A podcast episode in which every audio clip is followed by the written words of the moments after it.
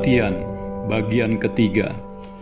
Kitab Yehezkiel 33 ayat 11 menuliskan Katakanlah kepada mereka Demi aku yang hidup Demikianlah firman Tuhan Allah. Aku tidak berkenan kepada kematian orang fasik Melainkan aku berkenan kepada pertobatan orang fasik itu Dari kelakuannya supaya ia hidup.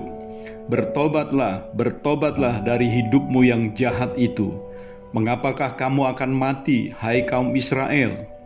Saya kutipkan juga satu ayat yang memiliki kandungan makna yang sama di dalam Perjanjian Baru, di dalam 2 Petrus 3 ayat 9. Tuhan tidak lalai menepati janjinya, sekalipun ada orang yang menganggapnya sebagai kelalaian, tetapi ia sabar terhadap kamu karena ia menghendaki supaya jangan ada yang binasa, melainkan supaya semua orang berbalik dan bertobat.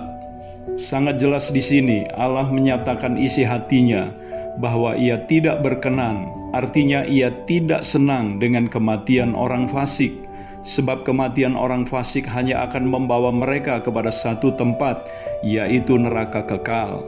Dikatakan juga bahwa Allah sabar terhadap manusia karena ia menghendaki supaya jangan seorang pun binasa, melainkan menginginkan pertobatan dan keselamatan mereka.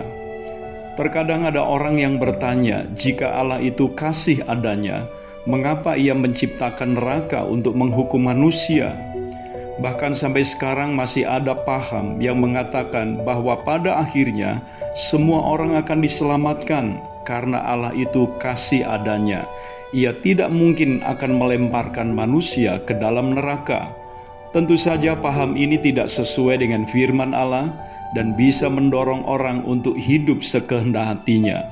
Bagaimana menjawab pertanyaan ini? Mari kita baca di dalam Matius 25 ayat 41. Dan ia akan berkata juga kepada mereka yang di sebelah kirinya, Enyahlah dari hadapanku, hai kamu orang-orang terkutuk, enyahlah ke dalam api yang kekal yang telah sedia untuk iblis dan malaikat-malaikatnya Jelas di sini, api yang kekal atau tempat siksaan yang kekal itu tidak disediakan untuk manusia, melainkan untuk iblis dan malaikat-malaikatnya.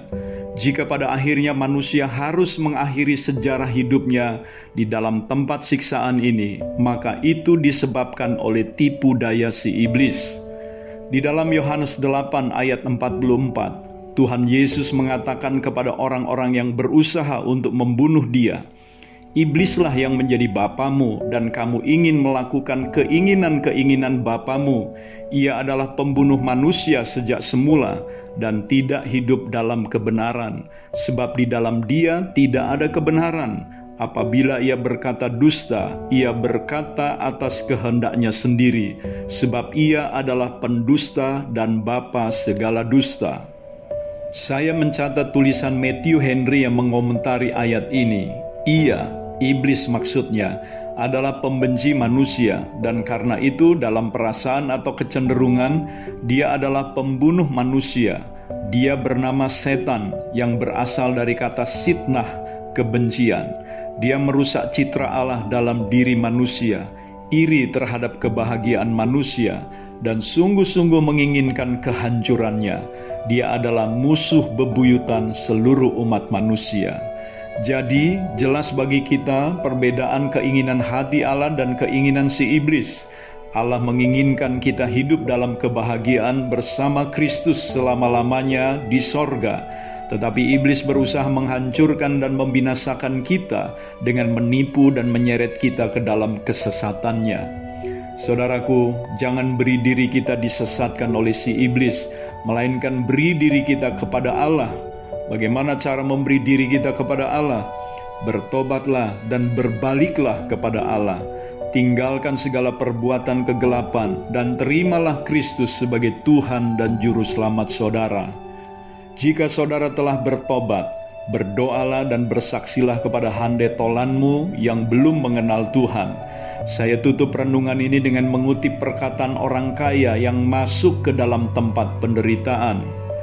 Kata orang itu, "Kalau demikian, aku minta kepadamu, Bapa, supaya engkau menyuruh dia ke rumah ayahku, sebab masih ada lima orang saudaraku, supaya ia memperingati mereka dengan sungguh-sungguh, agar mereka jangan masuk kelak ke dalam tempat penderitaan ini. Lukas 16 ayat 27 dan 28. Jangan terlambat untuk memperingatkan saudara kita yang belum percaya kepada Kristus sebelum kematian menjemput mereka, agar mereka tidak masuk ke dalam tempat penderitaan. Saya Theo Barahama, Bring Heaven Home. Tuhan Yesus memberkati saudara.